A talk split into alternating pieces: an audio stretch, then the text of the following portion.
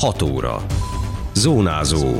Érd és a térség legfontosabb hírei. Jól haladt az idén a Modern Városok program megvalósítása Érden, és jövőre is folytatódik. A közvilágítás megújítása az egyik fontos feladat jövőre Diósdon. Sok állatnak sokkot okoz a szilveszteri tűzijátékozás, hangsúlyozzák az állatvédők. Köszöntöm Önöket, Szabó Beáta vagyok. Ez a Zónázó, az Érdefem 101,3 hírmagazinja a térség legfrissebb híreivel. Jól halad a Modern Városok program érden, és megvalósulnak a célként kitűzött fejlesztések. Erről a térség országgyűlési képviselője beszélt az Ért TV műsorában. Aracki András hangsúlyozta, a 2015-ben a városvezetés és a kormány által közösen megfogalmazott beruházások folytatódnak, az ehhez szükséges pénz megvan. Az összegek, amit a Modern Városok programban előirányzott a kormány, illetve a megállapodásban lefektetett a polgármester úr és miniszterelnök úr, azok időarányosan rendelkezésre állnak.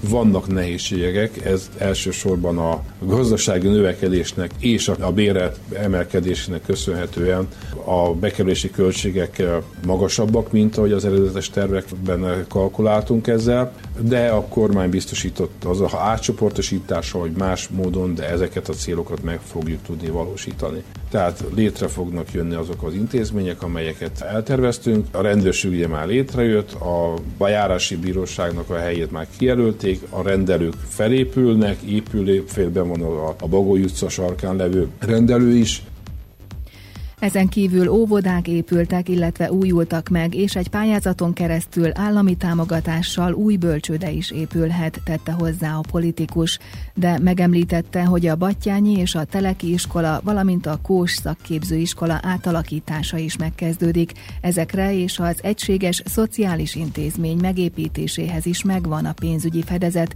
ütemezetten ezeket is felépítik, sorolta az országgyűlési képviselő.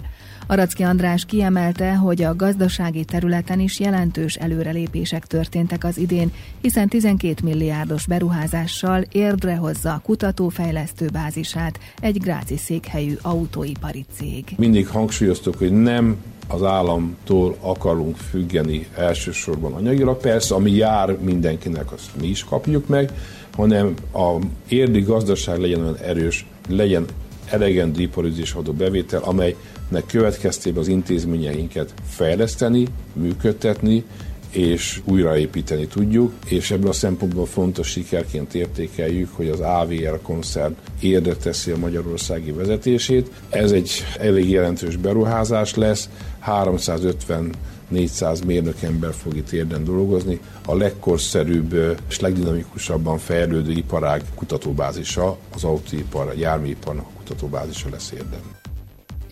Több kisebb és nagyobb értékű beruházás valósult meg az idén Diósdon, a többi között a tornaterem tetőszerkezete megújult a tankerület hozzájárulásával, az új óvoda résznél kicserélték a kazánt, a bölcsődénél a konyha kapott elszívó berendezést. Ezen kívül felújították és akadálymentesítették a közösségi házat, illetve a nagyiskola udvarát is megszépítették, mivel a korábbi beruházások, a szigetelés és a geotermikus fűtés kialakítása után eléggé lepusztult állapotban volt, nyilatkozta Bogó László polgármester.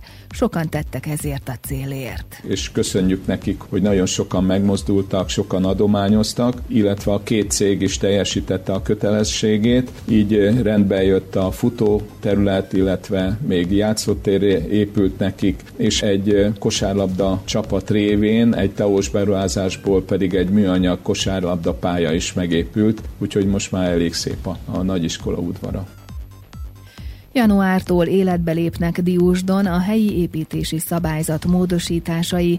Az egyik fontos eleme, hogy a jövőben közepes építési telkeken ikerházat nem lehet építeni, mondta Bogó László polgármester. A jövő évi tervek közül két fontos teendőt említett. Hát két terv van, amit már elindítottunk ebbe az évbe. Gyakorlatilag a közvilágításnak a megújítása, bővítése 35%-kal több lámpa lesz, tehát 500 lámpával többet fogunk a közvilágításra felszerelni, 50%-kal erősebb lesz, mert ez nagy igény, a lakosok részéről is probléma, a sötét utcák, valamint 24 olyan kis utcába, ahol eddig nem volt közvilágítás, közvilágítást fogunk építeni. És hát a ravatalozó temető bővítése, ami még a másik feladat, amit célul tűztünk ki. Óvatosan a tűzijátékokkal évről évre történnek kisebb-nagyobb balesetek a szilveszteri mulatozás közben a pirotechnikai eszközök miatt.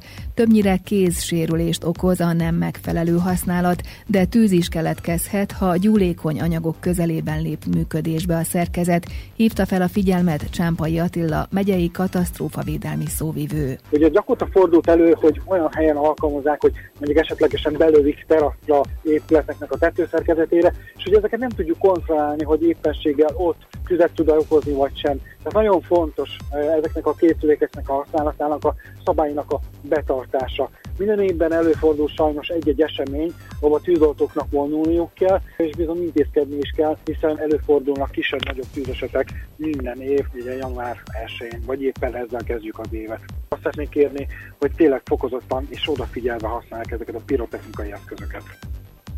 A tűzijátékokat szilveszter este 6 órától másnap reggel 6 óráig lehet használni, petárdázni pedig továbbra is tilos. A szabálytalankodók akár 150 ezer forint pénzbírsággal is számolhatnak.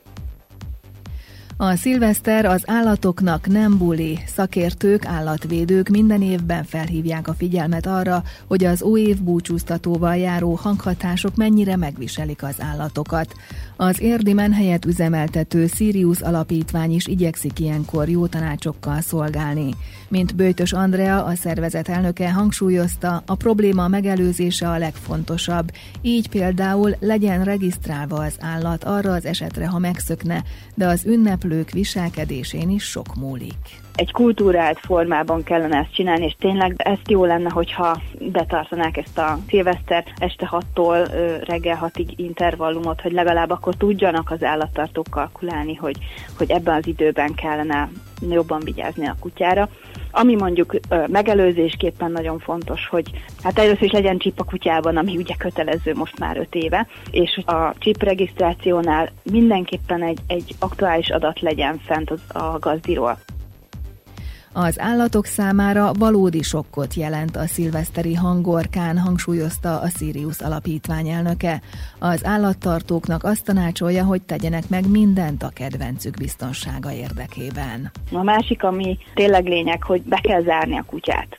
Tehát ne egy láncon ö, legyen szerencsétlen, hogy halálra rémülve mondjuk fölakassza magát, mert sajnos ilyet is láttunk, vagy ö, beakadjon valahova.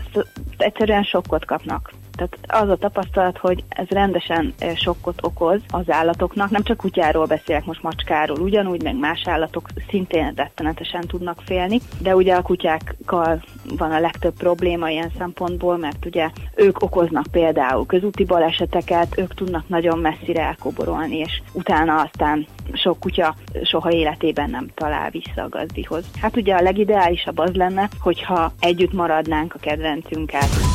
Időjárás. Fokozatosan szakadozik, csökken a felhőzet, sokfelé kisüthet a nap, de elszórtan lehet gyenge eső, havas eső. A szél időnként megerősödik, a csúcsérték 5 fok körül várható. Zónázó. Minden hétköznap az Érdefemen. Készült a médiatanács támogatásával a Magyar Média Mecenatúra program keretében.